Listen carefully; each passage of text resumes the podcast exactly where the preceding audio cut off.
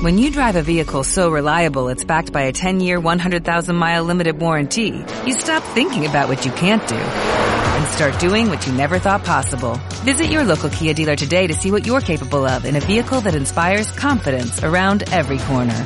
Kia, movement that inspires. Call 800-3334-KIA for details. Always drive safely. Limited inventory available. Warranties include 10-year 100,000-mile powertrain and 5-year 60,000-mile basic. Warranties are limited. See retailer for details.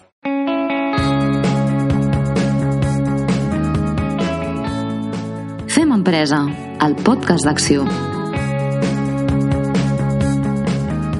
Què tal, com esteu? Benvinguts a Fem Empresa, el podcast d'acció, l'espai que vol fer més competitiu el vostre negoci. Avui arribem al desè capítol i parlarem de vins i caves, dos dels productes més atractius de la gastronomia catalana i que més interès generen a l'estranger. Soc l'Amanda Ramon i m'acompanya en Guillem Calvet. Hola, Amanda! El 2018 les exportacions de vi i cava català van arribar als 625 milions d'euros, una xifra que representa el seu màxim històric. Precisament, fomentar l'expansió dels cellers catalans al món és un dels objectius del programa Catalan Wines d'Acció, un programa que coneix molt bé en Marc Moreno, consultor d'internacionalització d'Acció. Hola, Marc. Hola, hola a tots. Si us sembla, recordem un moment el que ens explicava la directora de l'oficina d'acció a Miami, la Conxita Muñoz, sobre el programa Catalan Wines. Vam veure que els vins i els caves catalans agradaven molt, però el mercat americà és un mercat amb molta receptivitat al producte importat, però amb moltes limitacions pel problema de, la, de que necessites llicències per importar, llicències per distribuir, llicències pel punt de venda, llicències per restaurant, amb la qual els, els distribuïdors o els importadors ens deien quan tingueu el producte aquí ens interessa. I aleshores vam decidir apostar per muntar un grup de cellers catalans de diferents denominacions d'origen i fer projectes conjunts conjuntament a diferents zones d'Estats Units. La conversa. Marc, la Conxita ens explicava que el programa Catalan Wines va néixer als Estats Units, un mercat molt interessant pels vins i caves catalans i una de les principals eh, destinacions de les exportacions catalanes, precisament, eh, d'aquests productes. Però el programa també es destina a altres mercats, oi? Sí, correcte. El programa va néixer als Estats Units el 2010 Uh, que el proper any farem, farem 10 anys i va, va néixer perquè creiem que era un mercat doncs, uh, molt de potencial, un mercat molt gran i madur on podia ser molt interessant que féssim un, accions d'aquest tipus.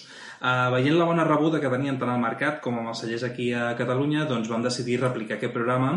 El 2014 ho vam començar a fer a Alemanya de forma anual i on, on anem fent de forma periòdica diferents esdeveniments i de forma més puntual hem anat fent el programa amb altres, amb altres ciutats. Um, vam fer el 2016 a Dinamarca, un esdeveniment, el 2017 a Brussel·les.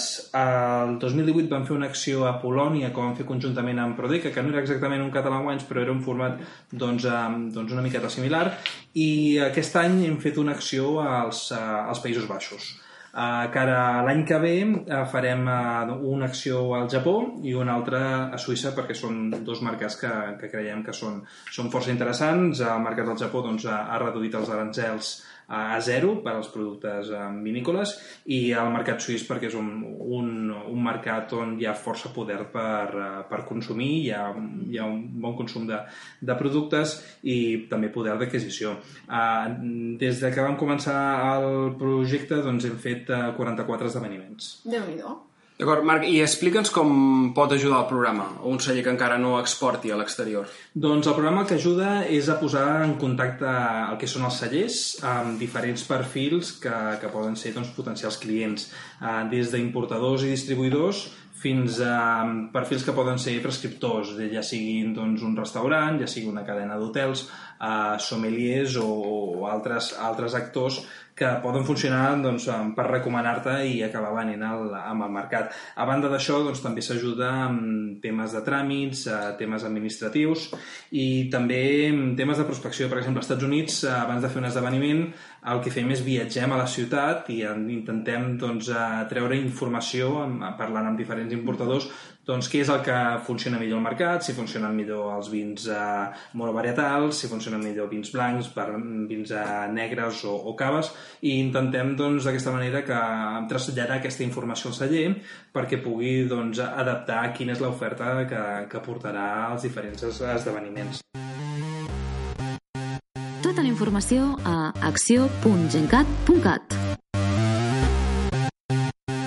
Un programa que, com, hem, com ja hem dit, aquest 2020 arribarà al seu desè aniversari i que ha acompanyat a centenars de cellers en els seus processos d'expansió de, al món. Avui, precisament, ens acompanyen dos d'aquests cellers catalans. Uh, per un costat, la Rosó, del celler Estorelló. Com estem? Hola, què tal? Gràcies. Bé. I en Francesc i la Júlia, de Molí de Parellada. Què tal? Molt Bones, molt bé. Expliqueu-nos quina és l'especialització dels vostres cellers. Rosó? Bueno, eh, la nostra especialització són els vins i els vins escumosos, els corpinat ecològics, de vinya pròpia, eh, d'origen de la nostra terra, de, de la zona del Penedès, uh -huh. eh, i, i sobretot tenir cura de tot el procés, des de la vinya fins a tenir el, el vi o el corpinat embotellat i d'aquí doncs, eh, fer-lo córrer o enviar-lo allà on, te, on, tinguem, on trobem oportunitat i tinguem ocasió. Molt bé. I molí de parellada? Doncs nosaltres podem dir que som dos cellers en un, perquè es va començar eh, diguem l'aventura com a celler eh, com el xanfrà i al cap de, doncs, de 30 anys eh, hem, hem començat a, exportar amb el nom de Molí Parellada per motius doncs, de, de capacitat del propi celler. Hem volgut mantenir eh, a la bodega inicial, que és el xanfrà, els, els començaments, i l'hem mantingut com a, com a productor, diguem, de cava ecològic. És a dir, hem centralitzat tota la producció de cava i vins ecològics a lo que és eh, el xanfrà, mentre que la, la resta de vi convencional i cava convencional el, el portem o el, el produïm a, a través de molí parellada. Sí que és cert que nosaltres vam començar tant amb vins com amb caves, amb un percentatge bastant, iguali, bastant igualitari, però de mica en mica vam anar veient que el nostre punt fort era més el cava i no tant el vi. Llavors, eh, de mica en mica, els percentatges van anar canviant, diguem, i, eh, i el, pràcticament la totalitat del que fem és, és tot cava. Com va, Rosó, com va començar el vostre afany d'expansió de, internacional, de, de, començar, de vendre al món? Eh, nosaltres ja fa... Vàrem començar fa uns 40 anys en països com, per exemple, Japó. Eh, I amb els anys s'ha anat treballant, però ha estat en els últims 10 anys quan, quan realment ens han plantejat definir una estratègia comercial enfocada a l'exterior, veient les possibilitats i el potencial i el retorn que ens anaven, eh, que, que anàvem obtenint doncs, mercats, digue-li Japó, digue-li Tailàndia, digue-li països llunyans. No? I dèiem, ostres, estem treballant en països molt llunyans, eh, tenim una Europa aquí al voltant, per què no comencem eh, a treballar, a apropar-nos en aquests països? I d'això fa uns eh, 10 anys, 6, que realment estem treballant fort. Eh, no és fàcil, el procés d'exportació no és fàcil, cada país té la seva peculiaritat, hem de conèixer les regulacions, tot el tema burocràtic, etiquetes, eh, no és, és, és molt entretingut, hi has d'invertir molt temps, però és satisfactori. S'ha de treballar molt, eh? No és arribar eh, i moldre, això ja ha passat, el mercat està mundialment està atomitzat, hi havia tot arreu, hi havia de tot, de tot. Eh, I en aquest sentit, doncs, eh, el fet d'anar veient que hem anat fent camí i que les coses, amb esforç i inversió, van sortint, doncs ens ha engrescat a crear ja un departament d'exportació amb un equip eh, i, amb, i tenim eh, i amb voluntat, amb voluntat exportadora, no? que crec que i amb, i amb tot el que implica l'exportació, eh? perquè l'exportació implica aquí inversió, una inversió en econòmic i una inversió de personal. Mm. I amb això, doncs, eh, i en aquestes estem, no? Precisament aquesta setmana passada doncs, hem acabat de tancar eh, tota la bateria d'accions d'exterior que farem l'any vinent precisament per anar, per consolidar mercats, per això és molt important, consolidar mercat i per obrir-ne de nous. No? Anar fidelitzant, hem d'anar fidelitzant els, els importadors que tenim. No? Molt bé. I a uh, Molí de Parellada com, com va començar uh, aquest afany de vendre al món? Doncs realment va ser d'una manera bastant curiosa, perquè nosaltres érem un celler molt petit al centre del poble, a Sant Sadurní de Noia, i fèiem realment molt poqueta producció. Jo vaig estudiar viticultura i enologia, i quan vaig acabar d'estudiar vaig entrar en un negoci familiar, després d'haver estat treballant un temps en algun altre celler i agafar una mica d'experiència, doncs vaig intentar doncs, vendre, vendre, sortir a vendre.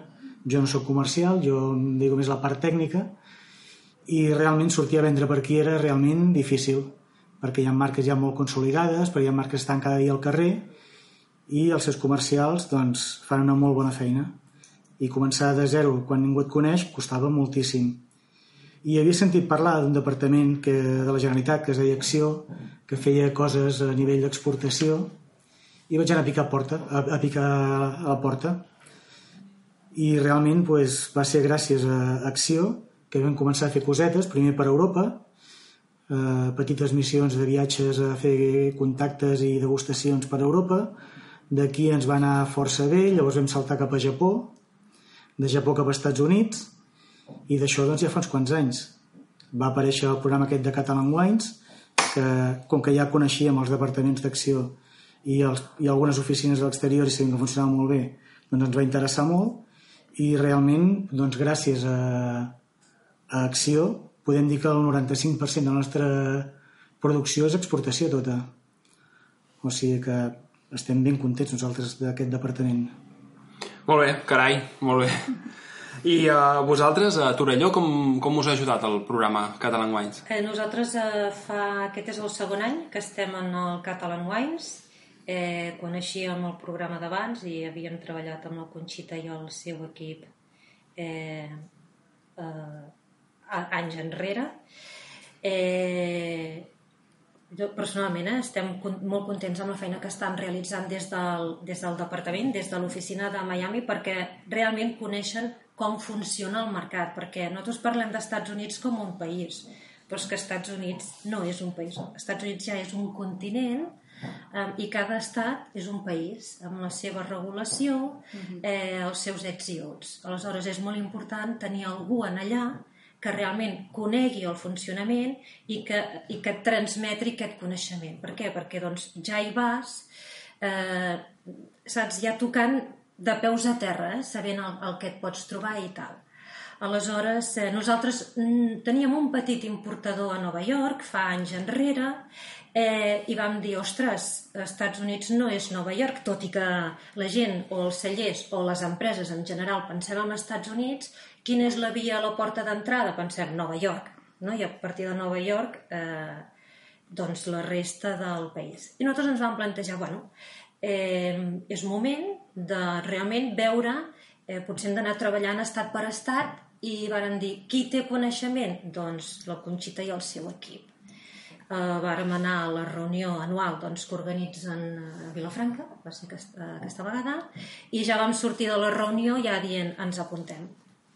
És el segon any, han fet eh, quatre ciutats, és molt lent, perquè amb alguns seguim negociant, amb d'altres estem en el procés de registre d'etiquetes, perquè la llei als Estats Units del registre d'etiquetes ecològic és molt complicat, uh -huh. és molt entretingut, el temps passa, i estem en aquest procés. No?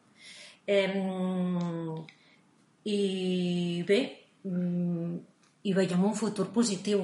O sigui, els Estats Units té un potencial brutal. No pensem que als Estats Units són, que són 300 milions d'habitants i només s'estan venent, no arriba als 20 milions d'ampolles de cava pel potencial que hi ha, uh -huh. no? I dius, ostres, doncs... Eh... I el que ens hem adonat amb, amb Acció és que eh, el que estan fent també és escollir ciutats de, o sigui, segones ciutats d'altres estats, val? perquè tots tenim en cap. Què tenim? Nova York, eh, Chicago, eh, San Francisco, les capitals, les, les capitals Les no? ciutats, clar. I el que estan fent amb aquesta prospecció que comenta el Marc és anar veient les oportunitats. Clar, i això qui ho pot fer? Qui està dintre i qui coneix el mercat de, de, de, de, des de, de debò, no? Mm. des de dintre. I en aquest sentit estem molt, molt contents. Ens falta molt per fer, eh? Com a Torelló ens falta molt per fer. Però bueno, en això estem. I tant. Um, una mica la pregunta va per tots dos cellers. Eh? Uh, què creieu que els agrada als importadors internacionals de, dels nostres vins i caves? Què valoren especialment? Doncs a, a nosaltres ens sembla que el que valoren, i no, no parlant tant dels vins o dels caves, sinó també del celler en el seu conjunt, mm -hmm. són tres coses, o tres coses principals, que és la capacitat de reacció que pugui tenir el celler, uh, una miqueta lligat amb el que comentava abans la Rosó, no? que cada estat, cada país té les seves normes, pot plantejar diferents problemes amb les exportacions, diferent paperassa, uh, etc. Llavors, una, una de les coses que més valoren, o que pensem que més poden valorar els exportadors, és la capacitat de reacció del celler i de recolzar en el client, en aquest cas, de, de que no es senti sol, de que si en algun moment té algun problema amb alguna importació, amb, amb alguna exportació en aquest cas, uh, que fem des del celler, doncs, que no se senti sol, abandonat, que, que té el celler darrere que, que el recolza. Una segona, un segon aspecte que també poden valorar molt bé um, els importadors és la capacitat d'adaptació dels cellers. És a dir, no tots els mercats són iguals, no tots els mercats volen el mateix tipus de, de producte, hi ha mercats que volen un producte més sec, hi ha mercats que volen un producte més dolcet, llavors la capacitat que tingui el celler d'adaptar els seus productes en el, en el país o en l'estat on es va vendre, perquè al final ha de funcionar, el producte ha de funcionar, llavors, eh, i qui millor doncs, que, que qui està ficat dins dels, dins dels estats, que coneix el mercat des de dintre, també com comentava la Rosó, um, i que també et pugui donar doncs, algunes algunes pinzellades de, de com pot funcionar un producte. I, finalment, la qualitat-preu també és un aspecte molt rellevant. Els productes catalans són... els vins i caves catalans són productes d'una qualitat molt bona i que tenen un preu molt correcte. Llavors, això, això també ens ajuda a picant molta pedra en entrant el, en, els, en els diferents mercats que, que se'ns ofereix. Um, estic totalment d'acord amb el que comentes. Uh, L'importador necessita recolzament del celler. O sigui, si vols vendre als Estats Units, a pesar, o sigui, tens l'importador, tens distribuïdor i has d'anar. Un cop l'any, com a mínim, s'ha d'anar a donar recolzament T'han de conèixer, t'han de veure. Perquè, a més, els importadors, eh, generalment als Estats Units, tenen uns portafolis gegants. Aleshores, necessiten... El, els equips comercials roten molt sovint i aleshores és necessari anar a donar-los, anar a fer la formació eh, eh, del, del, del teu celler i del teu producte. Per altra banda, també crec que els cellers, o sigui, els vins que venen del vell món, no? d'Europa, agraden molt, eh, i Barcelona, Barcelona és Barcelona. O sigui, tu dius que, ets el, que tens el celler a Barcelona i et paren l'orella. I ens coneixen? Saben... Saben... Sí? A, a veure, amb els, pels que, pel que he fet, eh, pel que he anat viatjant i tal, saben, que és, saben el que és Barcelona, saben on, és, on està Barcelona. Molts d'ells han estat a Barcelona, d'altres no han estat, però els que no han estat tenen en la seva llista visitar Barcelona. I molts es queden sobtats no, de dir, ostres, però doncs a Barcelona eh, hi ha cellers? Ostres, els tens a 33 quilòmetres? Tens el Penedès, eh, estàs, Barcelona està envoltat de, de vinya i de celler. I això ja és un... ja para en l'orella. Si després tens una història, nosaltres tenim una història del 1395, ja et para en l'orella.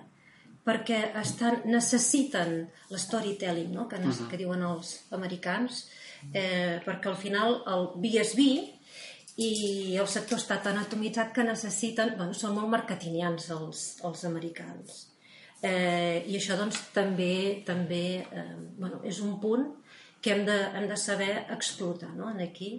I per altra banda, bueno, als Estats Units el tema de les puntuacions i els reconeixements dels grans gurus americans eh, són una via d'entrada important que després pots fer, no, pots fer negoci, eh? ja hi entra en altres temes, però eh, l'americà té molt en compte els grans gurus del vi no? que, que hi ha als Estats Units. Molt bé. Uh, estem parlant molt del mercat dels Estats Units uh, i parlem de vins, no? Mm, és inevitable aquests últims mesos parlar de, dels nous aranzels que, que l'administració Trump ha, ha marcat sobre aquests productes, entre d'altres, no? Uh, us ha afectat fins ara? Com creieu que pot afectar els vins? El cava de moment no? Uh, Quina és la vostra experiència? Bé, nosaltres eh, encara no podem... O sigui, afectarà, afectarà. Sembla ser, sembla Sí. sí. ser que el cava o el vi escumós mètode tradicional se'n salvava. Però sembla ser que hi ha previst eh, també aplicar aranzels també amb el vi escumós. Haurem de veure com es, veurà, materialitza. Es no? veurà, sí, però eh, aquests aranzels afectaran a tots els vins que, que vinguin d'Europa. Bé, doncs moltes gràcies a tots per acompanyar-nos. Si sou un celler i us interessa vendre els vostres productes a l'exterior, no dubteu en posar-vos en contacte amb l'equip d'internacionalització d'Acció. I recordeu també que ens podeu seguir a través del nostre web acció.gencat.cat i a les xarxes socials, al Twitter arroba acció barra baixa cat i també a LinkedIn i Facebook. Moltes gràcies per escoltar-nos, ens retrobem aviat. Salut i empresa!